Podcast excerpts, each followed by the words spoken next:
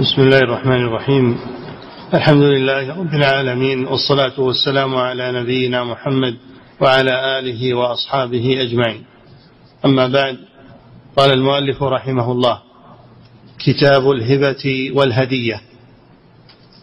بسم الله الرحمن الرحيم. الحمد لله والصلاة والسلام على رسول الله وعلى آله وأصحابه ومن والاه. الهبة من وهب الشيء إذا ملكه لغيره. ولا تصح ولا ولا تثبت إلا بالقبض. إذا قبضها الموهوب له لزمت قبل أن يقبضها ليست بلازمة. والعطية مثل الهبة لكن اختلفت من حيث اللفظ. نعم. كتاب الهبة والهدية باب الهدية نعم. باب الهبة الهبة كما عرفناها. التبرع بتمليك هي التبرع بتمليك ماله لغيره. هذه الهبة. والعطية مثلها نعم. باب افتقارها إلى القبول والقبض وأنه على ما يتعارفه الناس. نعم. لا تلزم إلا بالقبض. الهبة والعطية لا تلزمان إلا بالقبض. بأن يقبضها الموهوب له. فإذا قبضها لم يجوز للواهب أن يرجع فيها. قال صلى الله عليه وسلم العائد في هبته كالكلب يقيء ثم يعود في قيئه. الكلب يتقيأ الطعام الذي أكله ثم يعود ويأكل قيئه. لهذه الصفة. وهذا عمل مستكره. الرسول صلى الله عليه وسلم أراد أن ينفر من العود في الهبة. نعم. باب افتقارها إلى القبول والقبض وأنه على ما يتعارفه الناس. القبض. وأن القبض على ما يتعارفه الناس. فما عده الناس قبضا يؤخذ به يرجع فيه إلى العرف. نعم. عن أبي هريرة رضي الله عنه عن النبي صلى الله عليه وسلم قال لو دعيت إلى كراع أو ذراع لأجبت ولو أهدي إلي ذراع أو كراع لقبلت. رواه البخاري. نعم. الشاهد في قوله ولو أهدي إلي ذراع أو كراع لا قبلت. فالرسول صلى الله عليه وسلم يقبل الهدية ويثيب عليها ولا يقبل ولا تجوز له الصدقة لا يأخذ الصدقة عليه الصلاة والسلام وإنما يأخذ الهدية ويثيب عليها يعني يكافئ الواهب على هبته. نعم.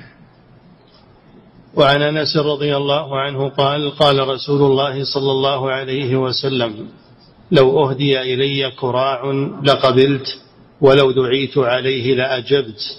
رواه أحمد والترمذي وصححه. ولو دعي صلى الله عليه وسلم إلى شيء يسير كالكراع لأجاب لأنه صلى الله عليه وسلم يجيب الدعوة دعوة المسلم. يجيب دعوة المسلم. وفي الحديث من حق المسلم على المسلم إذا دعاك فأجبه. لا إذا كان هناك مانع يمنع من الإجابة لا بأس. أما إذا كان ليس هناك مانع يمنع من الإجابة فإنه يجب عليك أن تجيب دعوة أخيك جبرا بخاطره. نعم. وعن خالد بن عدي أن النبي صلى الله عليه وسلم قال من جاءه من أخيه معروف من غير إشراف ولا مسألة فليقبله ولا يرده فإنما هو رزق ساقه الله إليه. رواه أحمد. نعم من جاءه من أخيه معروف من غير إشراف ولا مسألة فليقبله. ففيه أن المسلم يقبل ما يهديه إليه أخوه أو يعطيه إياه جبرا بخاطره وزرعا للمودة وفيه تواضع النبي صلى الله عليه وسلم. أنه لو دعي إلى كراع لا أجاب هذا تواضعه صلى الله عليه وسلم. وفيه حسن العشرة بين المسلمين. نعم. من جاءه من أخيه معروف من غير إشراف ولا مسألة فليقبله ولا يرده فإنما هو رزق ساقه الله إليه. من غير إشراف من غير إشراف. لا ينبغي للمسلم أن يستشرف لأموال الناس أو يسألهم أموالهم. إلا عند الضرورة. السؤال لا يجوز إلا عند الحاجة أو الضرورة أما إذا كان الإنسان ليس به حاجة فلا يسأل الناس. نعم. والذي يسأل الناس جاء في الحديث أن الذي يسأل الناس من غير حاجة أنه إنما يسأل جمرا يسأل جمرا. فليقل وليستكثر هذا تهديد من الرسول صلى الله عليه وسلم للذين يسألون الناس من غير حاجة. السؤال إنما يباح بقدر الحاجة ولا يجوز من غير حاجة. وفي الحديث الآخر أن الذي يسأل الناس من غير حاجة يجيء يوم القيامة ومسألته في وجهه خدوش أو خدوش في وجهه لها آثار سيئة. فلا يسأل الناس شيئا إلا إذا كان محتاجا للسؤال. نعم. وفقك الله يا شيخ هذا صاحب سيارة مغلق الطريق في قبلة المسجد سيارة وانيت نيسان رقم اللوحة ستة سبعة صفر تسعة مغلق الطريق كاملا ربما يكون من الإخوان الحاضرين وربما يكون من غيرهم نعم. فإن كان من الحاضرين فعليه أن يبادر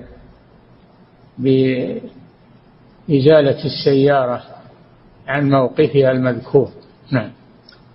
وعن عبد الله بن بسر رضي الله عنه قال كانت أختي ربما تبعثني بالشيء إلى النبي صلى الله عليه وسلم تطرفه إياه فيقبله مني. وفي لفظ كانت تبعثني إلى النبي صلى الله عليه وسلم بالهدية فيقبلها. رواهما أحمد. نعم هذا فيه أن النبي صلى الله عليه وسلم يقبل الهدية من الرجال والنساء لما في ذلك من زرع المحبة بين المسلمين من تواضع الرسول صلى الله عليه وسلم. نعم. وهو دليل على قبول الهدية برسالة الصبي لأن عبد الله ابن بسر كان كذلك مدة حياة رسول الله صلى الله عليه وسلم. كان صغيرا يعني. كان صغيرا. فيجوز للصغير أن يهدي من ماله. يجوز له أن يهدي من ماله. وأن يتصدق من ماله. نعم. وعن أم كلثوم بنت أبي سلمة قالت لما تزوج النبي صلى الله عليه وسلم أم سلمة قال لها إني قد أهديت إلى النجاشي حلة وأواقي من مسك ولا أرى النجاشي إلا قد مات ولا أرى هديتي إلا مردودة فإن ردت فإن ردت علي فهي لك. قالت وكان كما قال رسول الله صلى الله عليه وسلم وردت عليه هديته فأعطى كل امرأة من نسائه فوقية مسك وأعطى أم سلمة بقية المسك والحلة. رواه أحمد. نعم النجاشي هو ملك الحبشة وكان نصرانيا. كان نصرانيا. ثم من الله عليه بالإسلام فأسلم. ولكنه لم يلقى النبي صلى الله عليه وسلم. فلا يعد صحابيا إنما يعد من التابعين رحمه الله. ولما مات النجاشي علم النبي صلى الله عليه وسلم أو أعلم بوفاته. فأعلنها للناس. ونعى النجاشي يعني أخبر أصحابه بموت النجاشي رحمه الله. ثم خرج بهم خارج المدينة وصلى عليه صلاة الغائب. صلى على النجاشي صلاة الغائب. ففيه مشروعية الصلاة على الغائب. إذا كان له شأن في الإسلام مو بكل غايب إنما هذا من كان له شأن في الإسلام. كالملوك والرؤساء المسلمين ومن لهم مقام في الإسلام إذا مات أحدهم تصلى عليه صلاة الغائب. نعم. لما تزوج النبي صلى الله عليه وسلم أم سلمة قال لها إني قد أهديت إلى النجاشي حلة وأواقي من مسك ولا أرى النجاشي إلا قد مات ولا أرى هديتي إلا مردودة.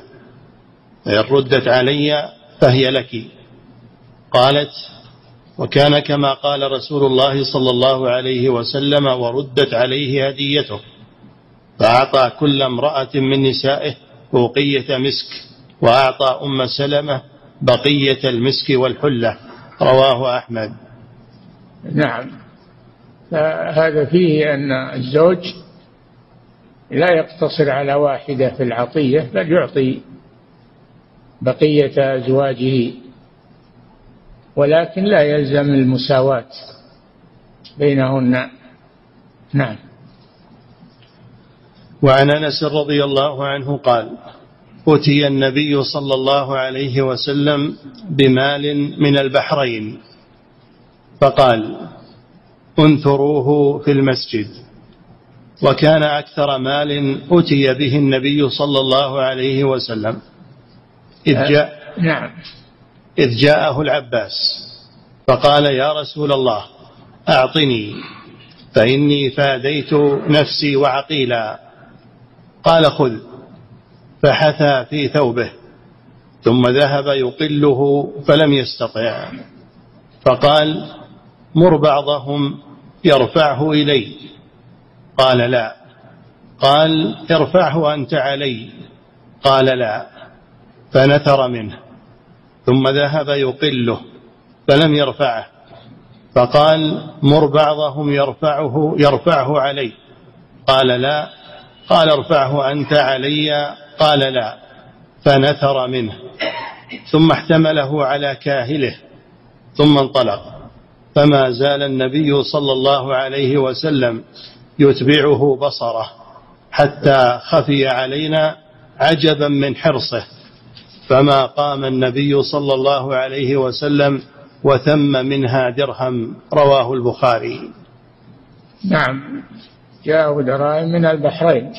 مال من البحرين. والبحرين هي الأحساء. البحرين هي الأحساء في ذاك الوقت. تسمى البحرين. جاءه مال منها من بني عبد القيس.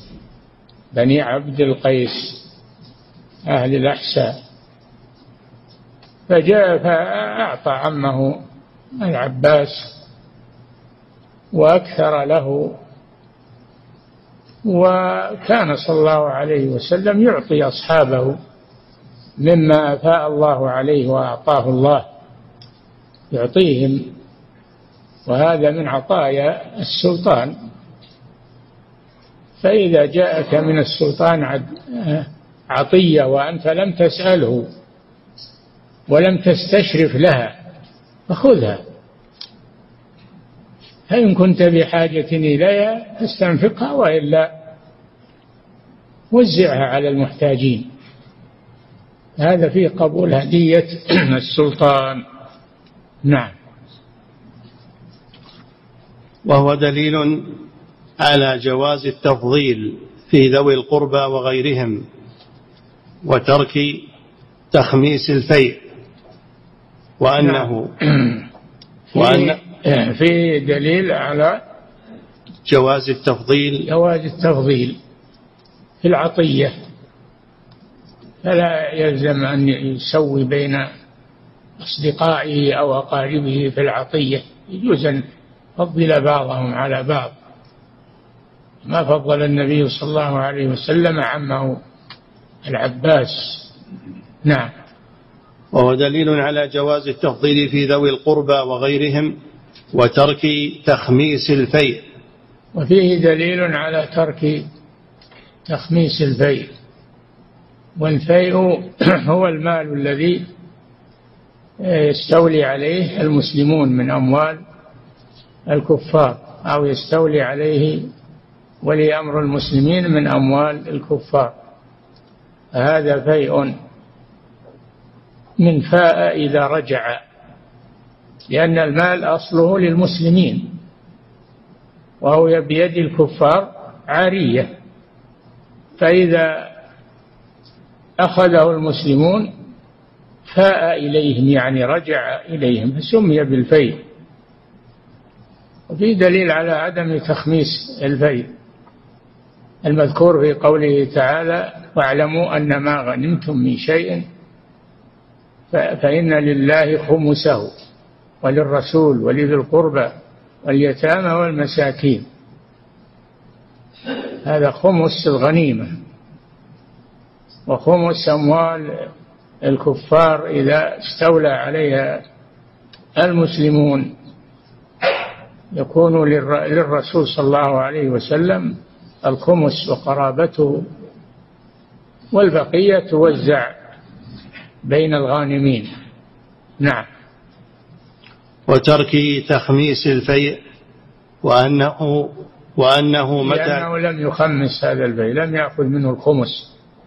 نعم.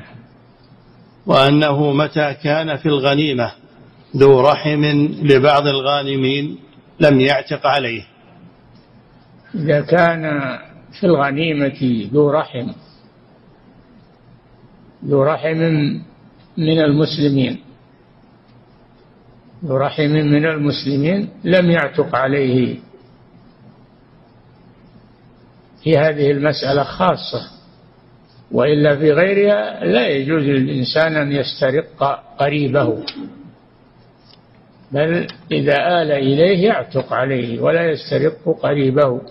إلا إذا جاءه في مثل هذه المسألة يعني من مع الغنيمة. نعم.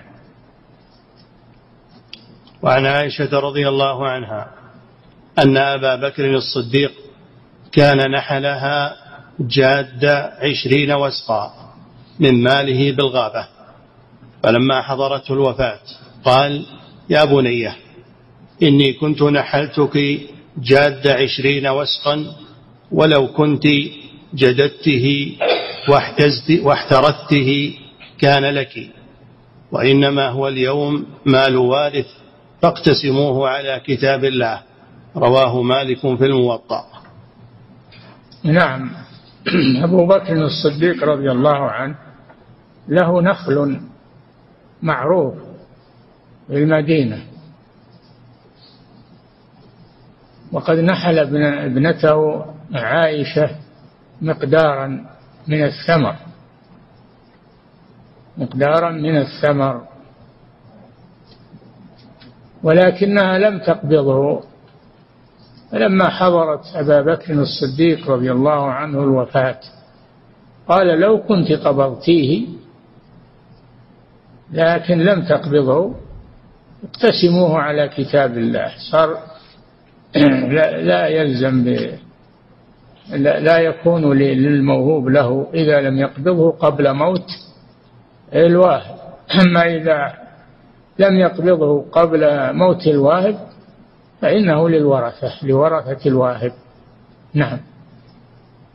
باب ما باب ما جاء في قبول هدايا الكفار والإهداء لهم.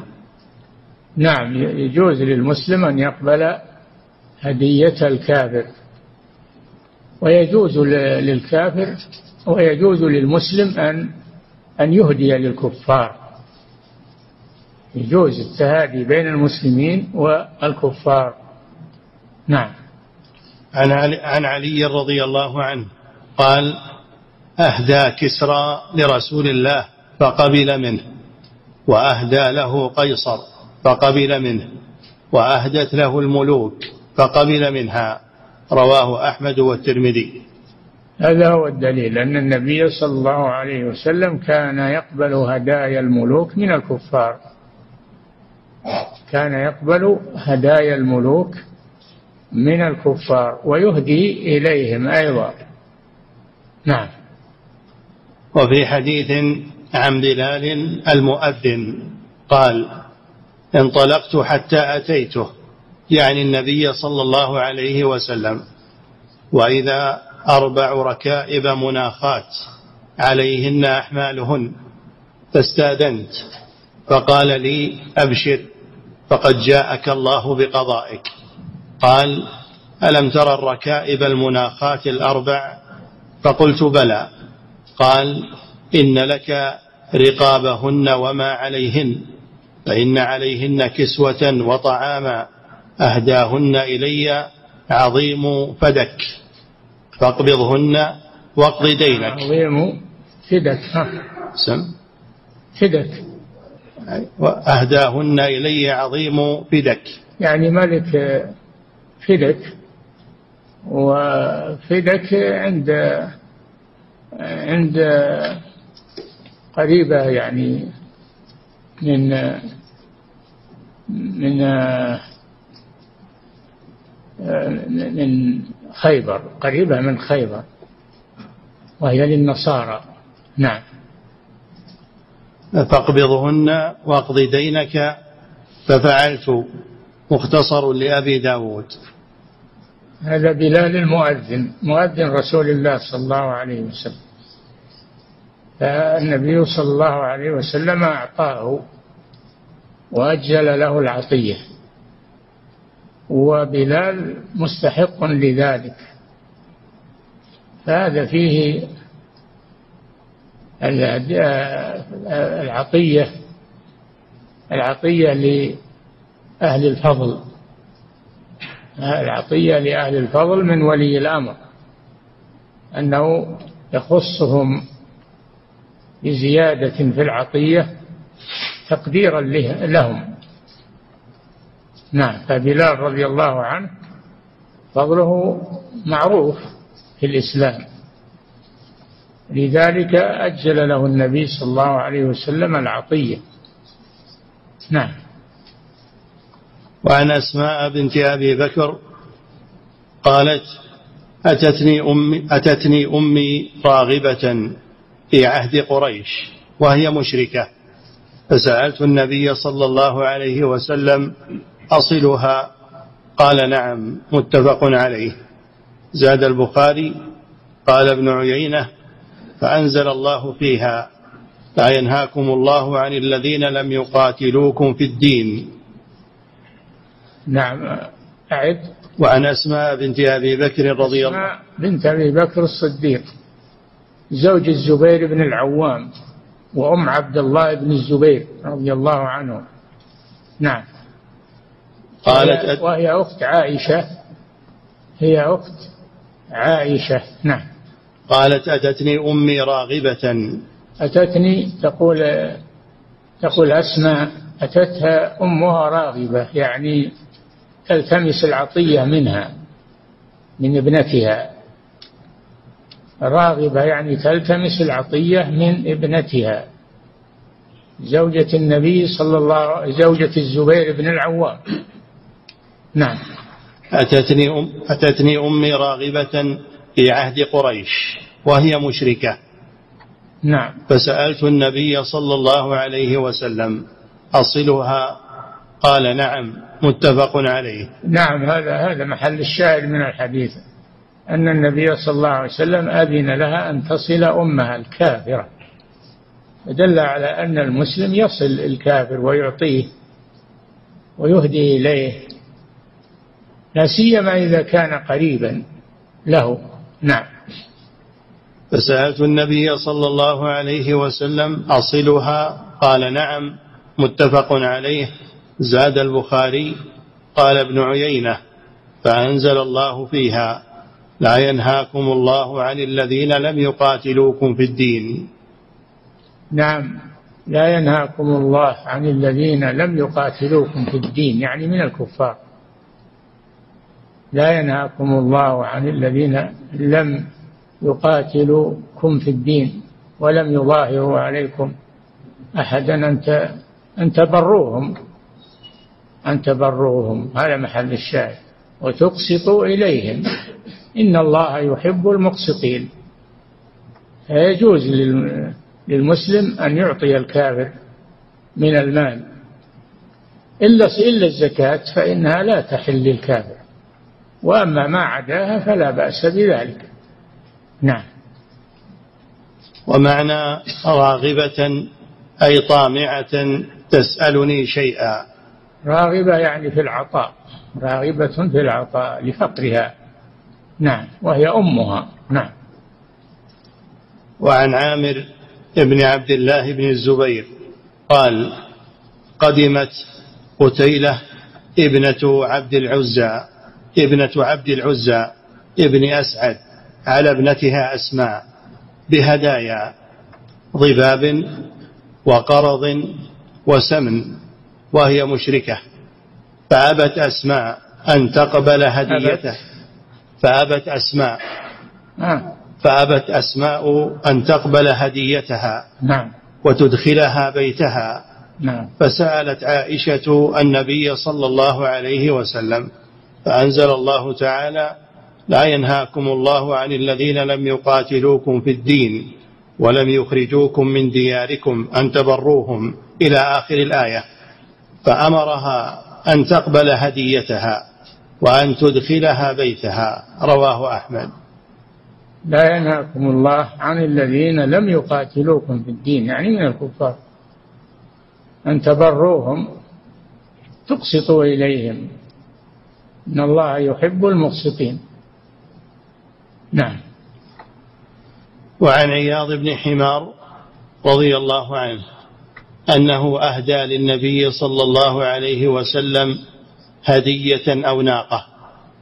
فقال النبي صلى الله عليه وسلم أسلمت؟ قال لا. قال إني نهيت عن زبد المشركين. رواه أحمد وأبو داود والترمذي وصححه. عن عياض؟ عن عياض بن حمار. نعم. أنه أهدى للنبي صلى الله عليه وسلم هدية أو ناقة. فقال النبي صلى الله عليه وسلم أسلمت؟ قال لا. قال إني نهيت عن زبد المشركين. عن زبد. زبد؟ نعم. نعم. عن زبد المشركين رواه أحمد وأبو داود والترمذي وصححه. شوف شرحها. في النهاية الزبد الرفد والعطاء. نعم. نعم هذا يدل على أن أنه أحيانا لا يقبل هدية المشركين إذا كان هناك سبب لذلك. أما من حيث العموم فيجوز أن يقبل هدايا المشركين وأن يهدي إليهم كما ترجم له المصنف. نعم. حفظك الله في نيل الأوطار يقول قال الخطابي يشبه أن يكون هذا الحديث منسوخا لأنه صلى الله عليه وسلم قد قبل هدية غير واحد من المشركين. وقيل إنما ردها ليغيظه فيحمله ذلك على الإسلام. اي نعم هذا الجواب عن إنه رد هدية هذا المشرك. ومع أنه صلى الله عليه وسلم كان يقبل هدايا الكفار ويهدي اليهم أيضا. هذا إما أنه كان كما قال الخطابي في أول الأمر ثم نسخ ذلك وأبيح أو أنه أراد صلى الله عليه وسلم أن يحمله على الإسلام. لم يقبل هديته من أجل أن يسلم. وقد حصل هذا فأسلم عياض بن حمار رضي الله عنه وكلا الاحتمالين وارد. نعم. باب الثواب على الهدية والهبة. نعم الثواب يعني المكافأة الثواب على الهدية والثواب على الهبة. نعم. عن عائشة رضي الله عنها قالت كان النبي صلى الله عليه وسلم يقبل الهدية ويثيب عليها. رواه أحمد والبخاري وأبو داود والترمذي. كان صلى الله عليه وسلم هذا من أخلاقه صلى الله عليه وسلم أنه يقبل الهدية. ويثيب عليها يعني يكافئ عليها يكافئ على الهدية. نعم. وعن ابن عباس رضي الله عنهما أن أعرابيا وهب النبي صلى الله عليه وسلم هبة فأثابه عليها. قال رضيت. قال لا. فزاده. قال أرضيت. قال لا. فزاده. قال أرضيت؟ قال نعم. فقال النبي صلى الله عليه وسلم لقد هممت ألا أتهب هبة إلا من قرشي أو أنصاري أو ثقفي. رواه أحمد. اي نعم لأن هؤلاء لا يتطلعون إلى إلى الثواب على الهدية. لا يتطلعون إلى الثواب على الهدية لكرم أخلاقهم. ولكن الحديث فيه أنه يثاب على الهدية. نعم. باب التعديل بين الأولاد في العطية والنهي أن يرجع أحد في عطيته غير الوالد. نعم. الوالد لا يخص بعض الأولاد بالعطية. لا بد أن يسوي بينهم.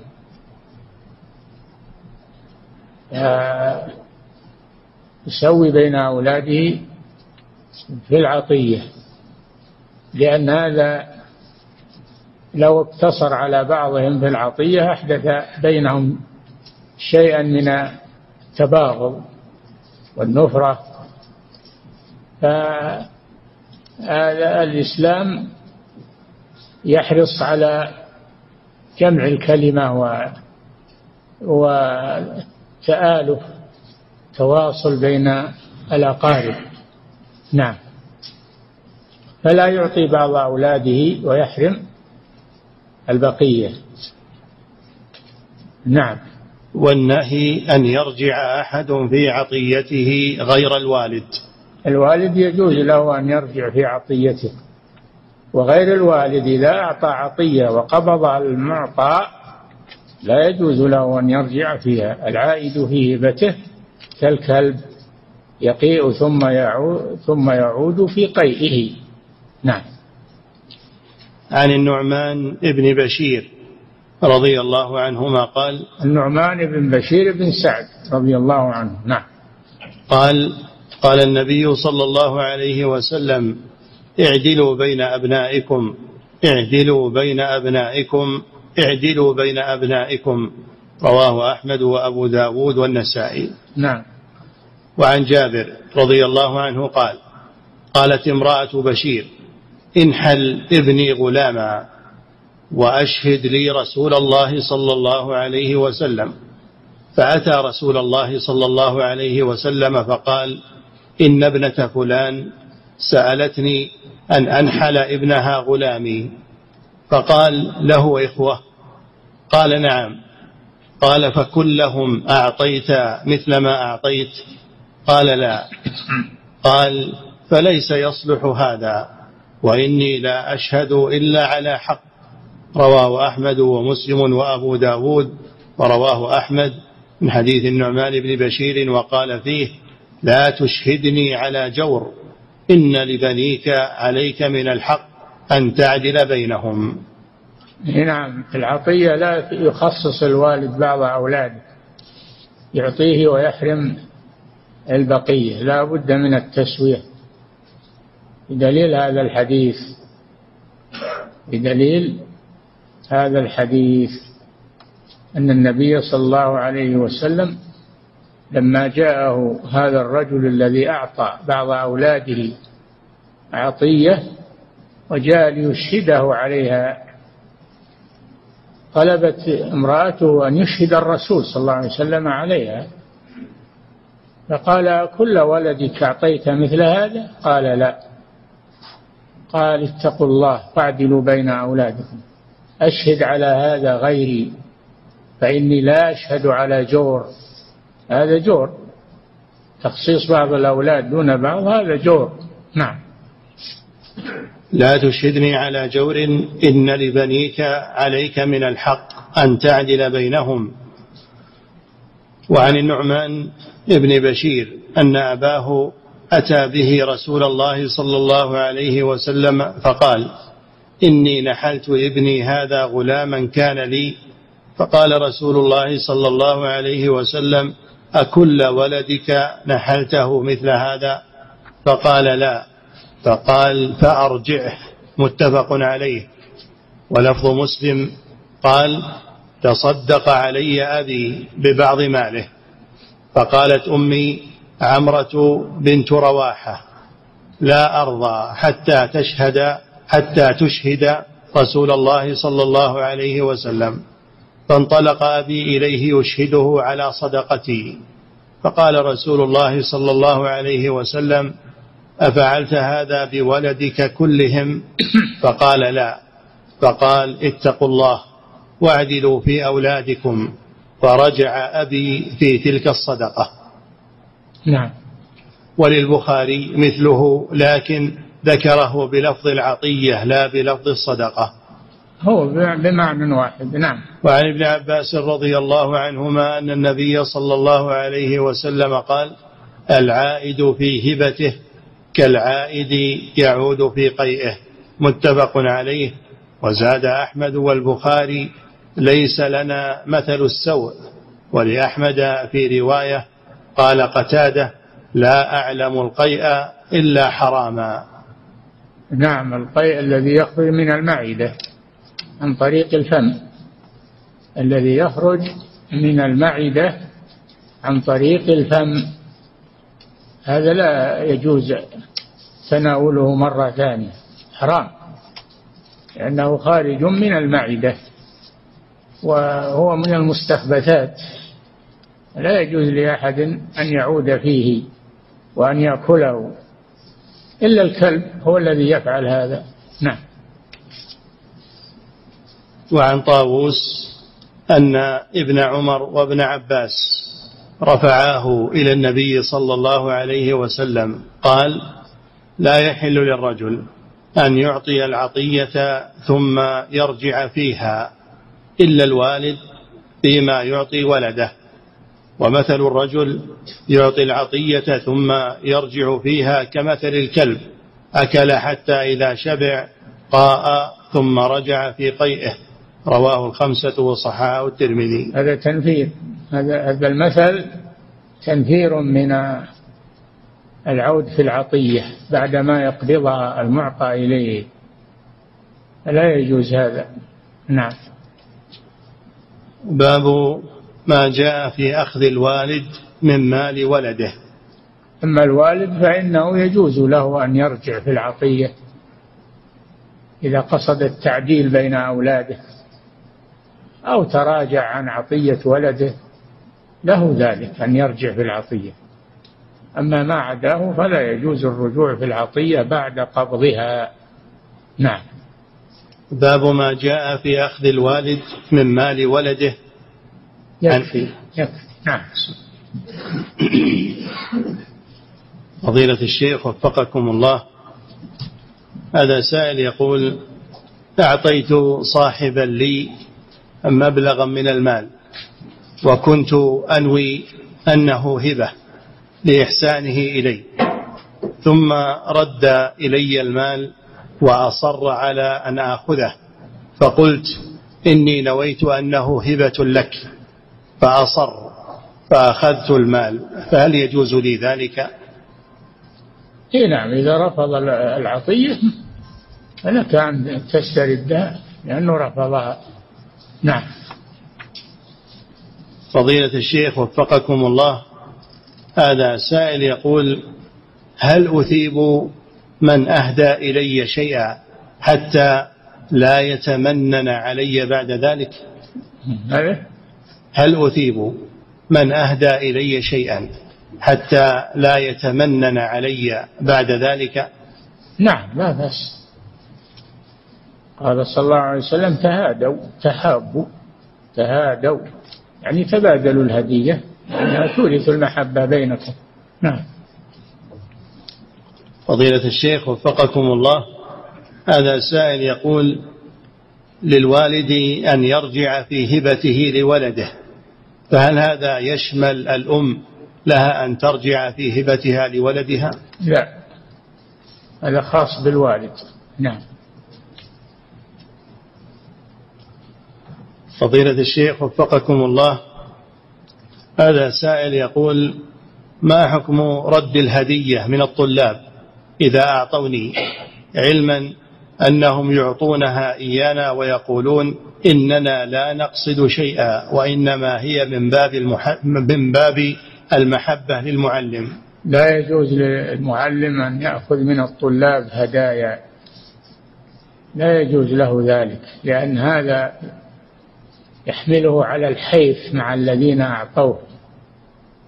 يحيف معهم في تصحيح أجوبتهم ويزيدهم في الدرجات فلا يجوز له ذلك. يسد الباب هذا. نعم. فضيلة الشيخ وفقكم الله هذا سائل يقول في الحديث الذي مر يعتبر هذا يعتبر من الرشوة. إعطاء المدرس من الطالب هذا يعتبر من الرشوة. نعم. فضيلة الشيخ وفقكم الله وهذا أيضا سائل يقول هل يجوز لمعلم القرآن الذي في الحلقة إذا كان لا يتقاضى إلا مكافأة من مكافأة شهرية هل له أن يقبل الهدية من بعض طلابه في الحلقة؟ هذا ما قلنا لا يجوز له ذلك. ما دام له مكافأة لا يجوز له أن يأخذ هدايا الطلاب. نعم. فضيلة الشيخ وفقكم الله في الحديث الذي مر معنا وهو قول رسول الله صلى الله عليه وسلم من جاءه من أخيه معروف من غير إشراف ولا مسألة فليقبله ولا يرده. قوله ولا يرده. هل النهي هنا للتحريم؟ أي هو ظاهر الأصل في النهي أنه للتحريم. ظاهر النهي أنه للتحريم إلا إذا دل دليل على أنه للتنزيه لكراهة التنزيه. نعم. فضيلة الشيخ وفقكم الله في حديث أم في حديث أم سلمة رضي الله عنها قالت فأعطى رسول الله صلى الله عليه وسلم كل امرأة من نسائه أوقية مسك وأعطى أم سلمة بقية المسك والحلة. هل في هذا دليل على جواز أن يفضل الزوج بين زوجاته في الهبة والهدية؟ نعم. لا بأس بذلك. نعم. فضيلة الشيخ وفقكم الله هذا السائل يقول هل يجوز للمسلم أن يقبل الهدية من الكفار إذا كانت بسبب أعيادهم. لا يجوز قبول هدايا الكفار التي هي بمناسبة أعيادهم لأن هذا من أكل المال بالباطل ومن آه، تشجيعهم على أعيادهم الباطلة. وهي الزور. قال الله جل وعلا والذين لا يشهدون الزور يعني لا يحضرون أعياد الكفار. نعم. فضيلة الشيخ وفقكم الله. هذا سائل يقول إذا سألني رجل مالا وأنا أعرف أنه سيستعمله في المخدرات هل يجوز لي أن أعطيه أن أعطيه مع العلم أنه قد يسرق أو يقتل من أجل أخذ هذا المال؟ لا يجوز لك ذلك لأن هذا من التعاون على الإثم والعدوان فلا تعطه شيئا يتقوى به على فعل المحرمات. نعم. فضيلة الشيخ وفقكم الله هذا سائل يقول مسألة عامة وهي هل الأفضل أن يقبل الإنسان الأهدية أم أنه يرفضها مطلقا؟ يقبل يقبلها. كان صلى الله عليه وسلم يقبل الهدية فيقبلها ويقول تهادوا تحابوا يقبل الهدية نعم. فضيلة الشيخ وفقكم الله هذا سائل يقول ما حكم قبول المدير لعزيمة أو وليمة مرؤوسيه على غداء أو عشاء؟ هل تدخل في هدايا العمال غلول؟ لا ما تدخل. ما تدخل في هدايا العمال. إذا كانت وليمة عامة فلا بأس أن يحضرها المدير أو ويجيب دعوة أخيه. نعم. فضيلة الشيخ وفقكم الله. أما إذا كانت الوليمة له خاصة لا يجوز له أن يحضرها. نعم. فضيلة الشيخ وفقكم الله. أبو بكر الصديق رضي الله عنه وأرضاه قد أعطى عائشة رضي الله عنها جاد عشرين وسقا. فهل يدل ذلك على أنه يجوز إعطاء شيء من المال لأحد الأبناء دون البقية؟ نعم.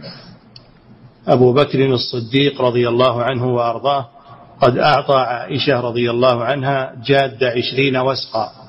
هل يدل ذلك على أنه يجوز إعطاء شيء من المال لبعض الأولاد دون البقية؟ ليس بالحديث أنه أعطاها وحدها. ليس بالحديث أنه أعطاها وحدها. حتى تقول هذا الكلام. نعم. فضيلة الشيخ وفقكم الله. هذا سائل يقول بالنسبة للأولاد عند العطية هل يعطون على حسب الميراث؟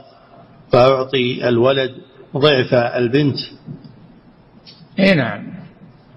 تعطيه يعني اختلف العلماء هل المراد يسوي بينهم الذكور والإناث سواء أو أنه يعطي الذكر مثل حظ الأنثيين اقتداء بقسمة الله. هذا الذي عليه المذهب أنه يعطي الذكر مثل حظ الأنثيين. نعم. فضيلة الشيخ وفقكم الله هذا سائل يقول أنا حارس في مسجد وبعض العمال يأتون فيأخذون الماء من المسجد لغسيل السيارات مقابل مال يأخذونه. هل يجوز لي أن أمنعهم من أخذ المال من أخذ الماء؟ نعم. لا يجوز لهم أن يأخذوا ماء المسجد يستعملوه في غير آه، في غير ما خصص له. هذا ماء مخصص للمسجد فلا يجوز أخذه لغيره. نعم. فهو بمثابة الوقف على المسجد. نعم. فضيلة الشيخ وفقكم الله هذا سائل يقول إذا تزاحم حق الزوجة وحق الوالدين فأي الحقين يقدم؟ حق الزوجة؟ يقدم حق الزوجة لأنك أخذتها من أجل أن تقوم عليها وأن وأن تنفق عليها. نعم. فضيلة الشيخ وفقكم الله. هذا السائل يقول هل هناك فرق بين محبة الكفار وبين قبول الهدية منهم؟ ألا يكون هذا مؤديا إلى هذا؟ لا. هذا من التعامل هذا من التعامل وليس هو من المحبة من التعامل. التعامل بين المسلمين والكفار جائز في المباحات. نعم. فضيلة الشيخ وفقكم الله هذا سائل من خارج هذه البلاد يقول من عادة القوم في بلادنا أنهم يهدون الغلام الصغير الذكر يهدونه خاتما من ذهب. فهل تجوز هذه الهدية إذا كان صغيرا؟ لا الذكر لا يجوز أن يلبس خاتم الذهب كبيرا كان أو صغيرا. نعم. فضيلة الشيخ وفقكم الله. هذا سائل يقول إذا دعاني أخي إلى مناسبة فاعتذرت من أجل انشغالي بطلب العلم. فهل هذا عذر شرعي في ذلك؟ نعم. هذا عذر شرعي. يفوت عليك طلب العلم يفوت عليك الدرس. هذا عذر شرعي لكن تخبره بذلك. تخبره أن أن هذا يفوت عليك. يعني حضور الدرس وفي هذا ضرر عليك. نعم. فضيلة الشيخ وفقكم الله هذا سائل يقول والدي رحمه الله وهب بيتا لتحفيظ القرآن الكريم لجمعية تحفيظ القرآن الكريم في بلد ما. والقائمين والقائمون على هذه الجمعية منهجهم مخالف للسنة ولم نعرف ذلك إلا بعد وفاة الوالد. سؤاله هل يحق لنا أن نفسخ العقد وأن نسترد هذه الهبة مع استمرارنا في تحفيظ القرآن؟ والله هذا السؤال يحتاج إلى أنه يكتب ويقدم إلى دار الإفتاء. نعم. فضيلة الشيخ وفقكم الله هذا سائل يقول قريبا بإذن الله سأرزق بمولود وأعرف رجلا من أهل العلم والفضل فهل يجوز أن أذهب إليه ليسمي ولدي تفاؤلا وتبركا؟ هل يجوز هذا الفعل؟ كيف تفاؤل وتبرك تبرك ما يجوز يا أخي. سمه أنت الاسم على الوالد يسمي ابنه. نعم. فضيلة الشيخ وفقكم الله هذا سائل يقول رجل يذهب إلى القبر فيقول لصاحب القبر أعطني يا فلان أغثني يا فلان أعطني مددا. هل يعد هذا الكلام من الشرك؟ من الشرك الأكبر. طلب الحوائج من الموتى هذا من الشرك الأكبر. المخرج من الملة. فلا يطلب من الأموات شيء؟ نعم. فضيلة الشيخ وفقكم الله. هذا سائل يقول كيف نجمع بين قول رسول الله صلى الله عليه وسلم بلغوا عني ولو آية وبين حث طالب العلم على التثبت وعدم الاستعجال في نشر العلم. اي نعم بعد ما تثبت بلغ ولو آية بعد ما تتثبت من الأمر وأن عندك أهلية لذلك. تبليغ على قسمين. تبليغ النص فقط من غير تفسير ومن غير هذا يسمى تحفيظ النص تحفظ القرآن تحفظ. تبليغ النص مع معناه وشرحه. هذا لا يكون إلا لأهل العلم. لا يكون إلا لأهل العلم. نعم. فضيلة الشيخ وفقكم الله. هذا سائل يقول هل يجوز للأم أن تعطي أحد أولادها مسكنا دون بقية الأولاد لأنها تحبه أكثر من بقية أبنائها علما أن هذا المسكن من أجل أن يتزوج فيه؟ والله هذا تراجع دار الإفتاء فيه. نعم. فضيلة الشيخ وفقكم الله هذا سائل يقول هل يجوز للتاجر أن يعطي هدية لمن اشترى أكثر من غيره؟ لا. لا يجوز هذا لأن هذا مثل تلقي الركبان هذا يجي يصرف الزبائن إليه دون الآخرين. نعم. فضيلة الشيخ وفقكم الله هذا سائل يقول بعض الآباء يقسم أملاكه من عقار وأراض بين أبنائه وبناته وهو حي على قسمة الميراث. هل يجوز هذا الأمر؟ وهل هذا التقسيم صحيح؟ نعم. يجوز هذا الأمر لكن لازم من مراجعة القاضي ليوثق هذه القسمة. نعم. فضيلة الشيخ وفقكم الله هذا سائل يقول إذا رأى المسلم رجلا فقيرا وكان هذا الفقير كافرا هل يجوز أن ينفق عليه وأن يعطيه من المال؟ نعم يجوز أن يعطيه من المال إلا الزكاة فلا تصرف إلا للمسلمين. أما إعطاء المحتاج ولو من الكفار يعطى قدر حاجته. نعم. فضيلة الشيخ وفقكم الله هذا سائل يقول والدي توفي وهو عليه قرض من صندوق التنمية العقاري. هل هذا القرض يعتبر دينا عليه في قبره؟ يجب سداده؟ نعم. لكن اللي يعرفه أن أو سمعت أنهم يعفون يعفون الميت إذا مات. يعفونه من دين القرض إذا كان للبنك. نعم. فضيلة الشيخ وفقكم الله. هذا سائل يقول صليت في مسجد وبعد الصلاة أعلن الإمام أنهم سيصلون صلاة الغائب على والد العامل الذي يعمل حارسا في المسجد وقد توفي في بلده فصليت معهم. فهل هذا الأمر مشروع؟ لا هو مشروع. لا يصلى على الغائب إلا إذا كان له شأن في الإسلام. كالعلماء والأمراء. أما العادي ما يصلى عليه صلاة الغائب.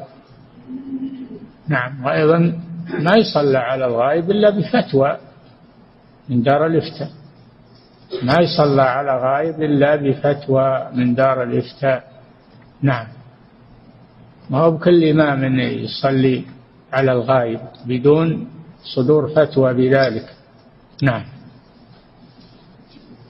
فضيلة الشيخ وفقكم الله رجل أوصى ابنته أنه إذا مات فإنها تجلس عند قبره بعد دفنه ساعة أو ساعتين وقت سؤال الملكين فهل لها أن تعمل بهذه الوصية طاعة؟ هذه وصية باطلة.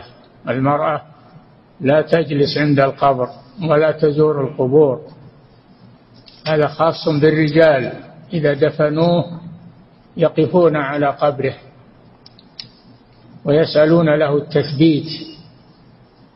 كما قال صلى الله عليه وسلم استغفروا لأخيكم واسألوا له التثبيت فإنه الآن يسأل. هذا خاص بالرجال. الله جل وعلا قال في المنافقين في المنافق ولا تقم على قبره. يعني بعد الدفن. ما يقوم الرسول على قبر المنافق.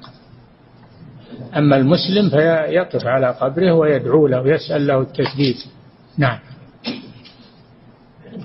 فضيلة الشيخ وفقكم الله.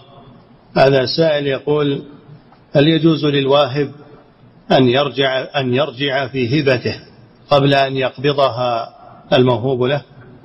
إيه نعم. قبل أن يقبضها يجوز أن يرجع فيها. أما إذا قبضها فلا يجوز. نعم. فضيلة الشيخ فضيلة الشيخ وفقكم الله هذا سائل يقول هل لا بد أن أساوي بين أولادي في العطية؟ حتى ولو كان الذي أعطيته إنما أعطيته لحاجة والثاني ليس له حاجة في ذلك؟ لا الحاجة لا. تعطي المحتاج من الأولاد ولا تعطي الغني منهم ما تعطيه لأنه ليس بحاجة إلى العطية. نعم.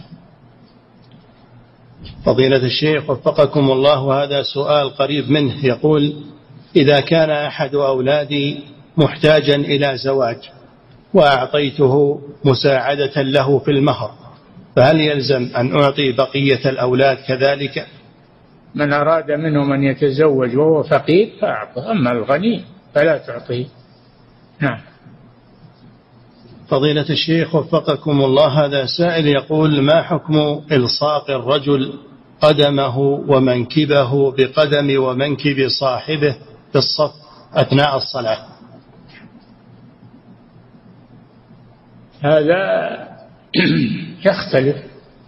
ما هو معناه أن الواحد يفحج؟ ويأخذ محل رجلين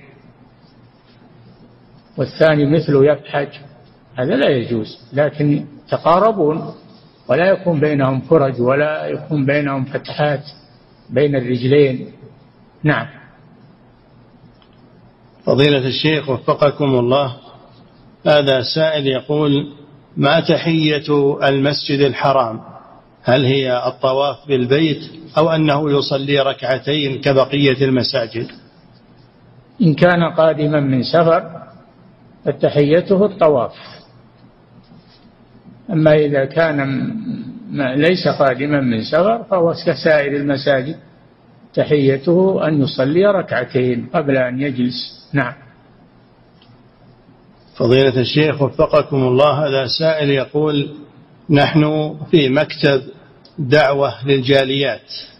هل يجوز لنا أن نقبل الزكاة لننفقها, لننفقها في رواتب الموظفين والبرامج الدعوية من لا. مال الزكاة؟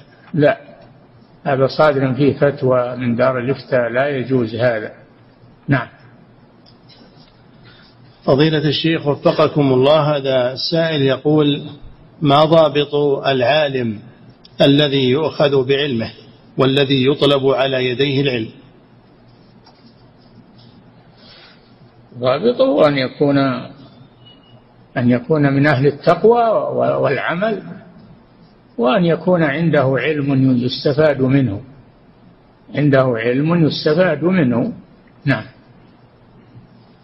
فضيلة الشيخ وفقكم الله هذا سائل يقول من اغتسل من الجماع ثم صلى وبعد الصلاة خرج منه قطرات من المني خرج منه قطرات من المني وهذا يحصل معه بعد بعد كل جماع فماذا عليه؟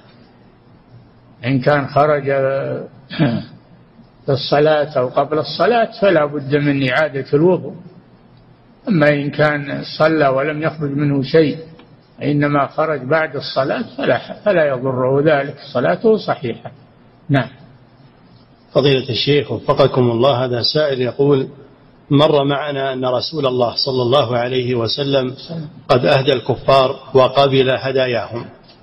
فهل إذا أهداني رجل من أهل البدع وهو يدعو إلى بدعته أهداني هدية فهل آخذ هديته؟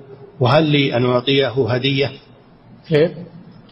يقول فضيلة الشيخ وفقكم الله مر معنا أن رسول الله صلى الله عليه وسلم قد أهدى الكفار وقبل هديتهم. فهل معنى ذلك أنه أهدى إذا أهدى إلي رجل من أهل البدع وهو داع إلى بدعته؟ هل لي أن أقبل هديته وهل لي أن أهدي إليه؟ لا اللي يدعو إلى البدع لا تقبل هديته لأن هذا تشجيع له على على ما هو عليه وعدم إنكار عدم إنكار عليه. إذا قبضت هديته معناه أنك لم تنكر عليه. نعم. فضيلة الشيخ وفقكم الله هذا سائل يقول بالنسبة لأعياد الميلاد ما يسمى بأعياد الميلاد وما يسمى بعيد الحب هل يجوز إعطاء الهدية في ذلك أو قبولها؟ هذه كلها أعياد باطلة ليس في الإسلام إلا عيدان عيد الفطر وعيد الأضحى. وليس هناك أعياد في الإسلام غير هذين العيدين. نعم. فضيلة الشيخ وفقكم الله هذا سائل يقول والدتي أعطتني هدية وأعطت أخي وأختي. لكن أختي تنازلت عن هديتها فأعطتها لنا. هل يجوز لنا أن نقبلها؟ نعم لا بأس بذلك. نعم. فضيلة الشيخ وفقكم الله. هذا سائل يقول المؤذن إذا أقام الصلاة فهل تردد معه كلمات الإقامة كما نردد معه كلمات الأذان؟ نعم. لأن الإقامة أذان. يتابع يتابع المقيم. نعم. فضيلة الشيخ وفقكم الله هذا سائل يقول أصلي أحيانا إماما في المسجد ويأتي معي ابني وعمره أربع سنوات فيقف عن يساري وأنا الإمام فهل هذا جائز علما بأنني أفعله دائما؟ حتى لا يؤذي المصلين إن بقي في الصف. لا بأس بذلك. النبي صلى الله عليه وسلم كان يصلي وهو يحمل آه، بنت ابنته يحمل أمامة بنت أبي العاص. إذا قام رفعها وإذا سجد وضعها لا بأس بذلك. نعم. فضيلة الشيخ وفقكم الله هذا سائل يقول يوم في يوم الجمعة آتي إلى الجامع فأصلي ما كتب الله لي من النوافل وأقرأ في هذه النوافل سورة الكهف متفرقة في الركعات. فهل هذا جائز أم لا بد من قراءتها متصلة مرة واحدة؟ لا بأس بذلك. تقرأها في الصلاة أو تقرأها خارج الصلاة. لا بأس بذلك. نعم. فضيلة الشيخ وفقكم الله هذا سائل يقول هل من السنة أن يقرأ الرجل في قيام الليل سورة البقرة والنساء وآل عمران في ركعة واحدة أو في صلاة واحدة كما فعل رسول الله صلى الله عليه وسلم؟ نعم. شيء طيب إذا عمل هذا اقتداء بالرسول صلى الله عليه وسلم لا بأس بذلك. عثمان رضي الله عنه قرأ القرآن كله في ركعة واحدة.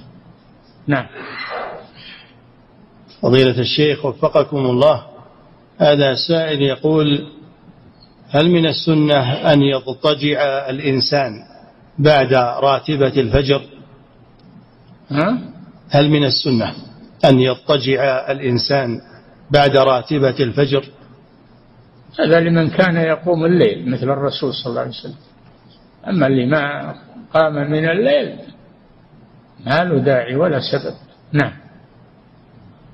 فضيلة الشيخ وفقكم الله هذا سائل يقول هل يشرع للمسلم أن يعتمر في شهر شوال أو في ذي القعدة ثم يمكث في مكة ثم يحرم يوم الثامن لأجل الحج؟ وهل يعتبر هذا من التمتع؟ إيش؟ هل يشرع أن يعتمر الإنسان في شوال أو في ذي القعدة ثم يمكث في مكة ثم بعد ذلك يحرم يوم الثامن لأجل الحج؟ نعم. إذا أحرم بالعمرة في أشهر الحج وبقي ولم يسافر بعد العمرة ينتظر الحج فهو متمتع. نعم. فضيلة الشيخ وفقكم الله إذا كان الرجل خارج البيت مع زوجته وقد أذن المؤذن ولا يأمن أن يتركها لوحدها هل يجب عليه أن يذهب إلى المسجد أو أنه يمكن أن يصلي في مكانه عند زوجته؟ المسجد فيه نساء. يدخل المسجد يجعلها مع النساء أو في مكان النساء. نعم. فضيلة الشيخ وفقكم الله هذا سائل يقول ما حكم سفر المرأة بدون محرم إذا كان السفر قصيرا وليس طويلا؟ لا يجوز السفر ما يسمى سفرا لا يجوز إلا بمحرم. لا يحل لامرأة تؤمن بالله واليوم الآخر أن تسافر إلا ومعها ذو محرم. في رواية ثلاثة أيام في رواية يومين في رواية مطلقا أن تسافر إلا ومعها ذو محرم. نعم. فضيلة الشيخ وفقكم الله هذا سائل يقول ما حكم دعاء الغائب سواء كان من الجن أو من غيرهم؟ أه؟ يقول ما حكم دعاء الغائب سواء كان من الجن أو من غيرهم. دعاء الغائب. الغائب نعم. لا يجوز دعاء الغائب. لا يجوز دعاء الغائب. لا الجن ولا غيرهم. إيش الفائدة من دعاء الغائب؟ نعم. فضيلة الشيخ وفقكم الله هذا سائل يقول سائل من فرنسا يقول لدي مطعم في فرنسا فهل يجوز لي أن أبيع الأكل على الكفار في نهار رمضان؟ لا. لا تفتح المطعم في نهار رمضان. المسلم لا يفتح المطعم في نهار رمضان ولو كان في بلاد الكفار. نعم. فضيلة الشيخ وفقكم الله هذا أيضا سائل من بريطانيا يقول هل يجوز لي أن أعمل كوسيط بين شركات التأمين وبين السائقين؟ التأمين ما هو مشروع هذا. التأمين التجاري ما هو مشروع. لا يجوز هذا. ولا تكون وسيطا فيه. نعم. فضيلة الشيخ وفقكم الله هذا سائل يقول لما مات النجاشي خرج النبي صلى الله عليه وسلم خارج المدينة للصلاة عليه. يقول لماذا خرج عليه الصلاة والسلام خارج المدينة؟ ولم يصلي عليه في المسجد. لأجل الإعلان لأجل الإعلان عن موته. نعم. فضيلة الشيخ وفقكم الله هذا سائل يقول هل رفع الصوت بالأذكار بعد الصلوات المكتوبة هو من السنة المشروعة؟ نعم. قل ابن عباس رضي الله عنه كنا نعرف انصراف النبي صلى الله عليه وسلم من الصلاة إذا سمعنا الذكر. كان صبيا صغيرا في عهد الرسول صلى الله عليه وسلم. نعم. فضيلة الشيخ وفقكم الله هذا سائل يقول في قول الله عز وجل الرجال قوامون على النساء بما فضل الله بعضهم على بعض وبما أنفقوا من أموالهم. يقول ما المقصود بالقوامة على النساء وما حدها؟ القوامة عليها بالمحافظة عليها من الوقوع في ما لا يجوز من المحافظة عليها بالستر والاحتشام والاحتجاب المحافظة عليها من أذى الفساق. نعم.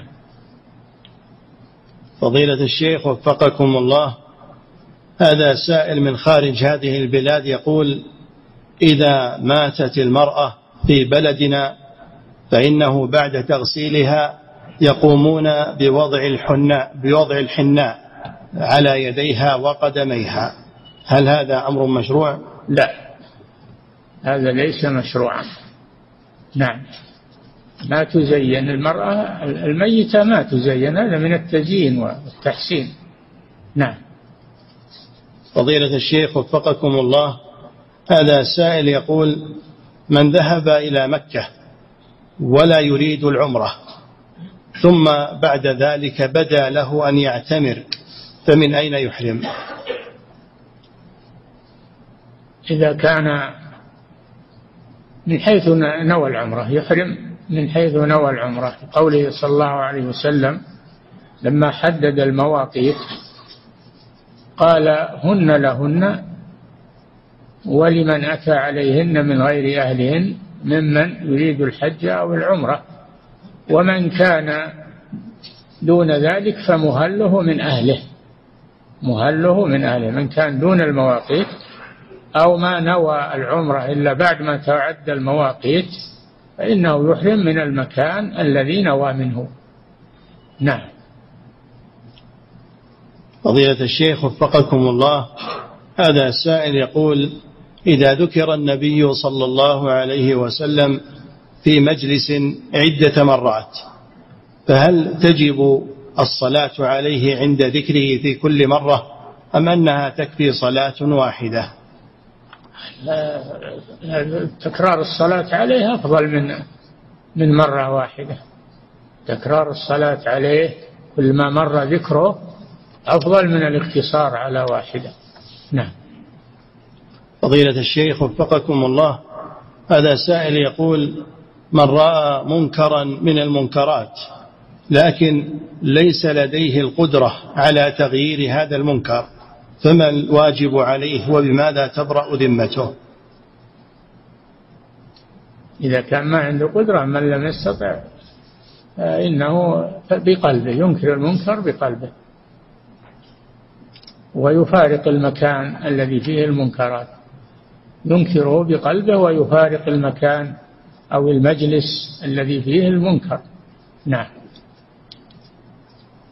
فضيلة الشيخ وفقكم الله هذا سائل يقول إذا كنت أصلي في البيت وقام شخص بالطرق على الباب وأنا أصلي فهل يجوز لي أن أتقدم وأفتح الباب حال صلاتي أم أنني أقطعها ثم أفتح؟ كان النبي صلى الله عليه وسلم يفعل ذلك. يفتح الباب وهو في صلاة الليل لمن طرق عليه الباب. نعم. افتح له الباب وأنت في صلاتك نعم. فضيلة الشيخ وفقكم الله هذا سائل يقول بالنسبة لسؤال الناس من مالهم يقول إذا كان الناس إذا كان الإنسان محتاجا فهل يجوز له أن يلح في المسألة إذا كان محتاجا؟ لا يسأل ولا يلح على الناس لأنهم قد يشق عليهم هذا. نعم. فضيلة الشيخ وفقكم الله هذا سائل يقول الأغاني هل هي تختلف في الحكم أم أن كلها محرمة؟ كلها محرمة ولا تختلف في الحكم. إلا ما يكون عند إعلان النكاح بأصوات النساء خاصة يغنين لإعلان النكاح لا بأس. نعم. فضيلة الشيخ وفقكم الله هذا سائل يقول بالنسبة لوليمة العرس هل تجب الإجابة إليها؟ ولو كان في ذلك مشقة على الإنسان. يعتذر إذا كان عليه مشقة يعتذر يطيب خاطر صاحبه يخبره بعذره. نعم. فضيلة الشيخ وفقكم الله هذا سائل يقول سائل من خارج هذه البلاد يقول هناك من يزعم أن من شروط الدخول في الإسلام أن يكرر المرء الشهادة ثلاث مرات. أمام شهود فهل هذا أمر واجب؟ لا. ما هو لازم يكرر الشهادة. إذا نطق بها مرة واحدة معتقدا لها فإنه يكفي. نعم. انتهى. وفق الله تعالى أعلم وصلى الله وسلم على نبينا محمد وعلى آله وصحبه.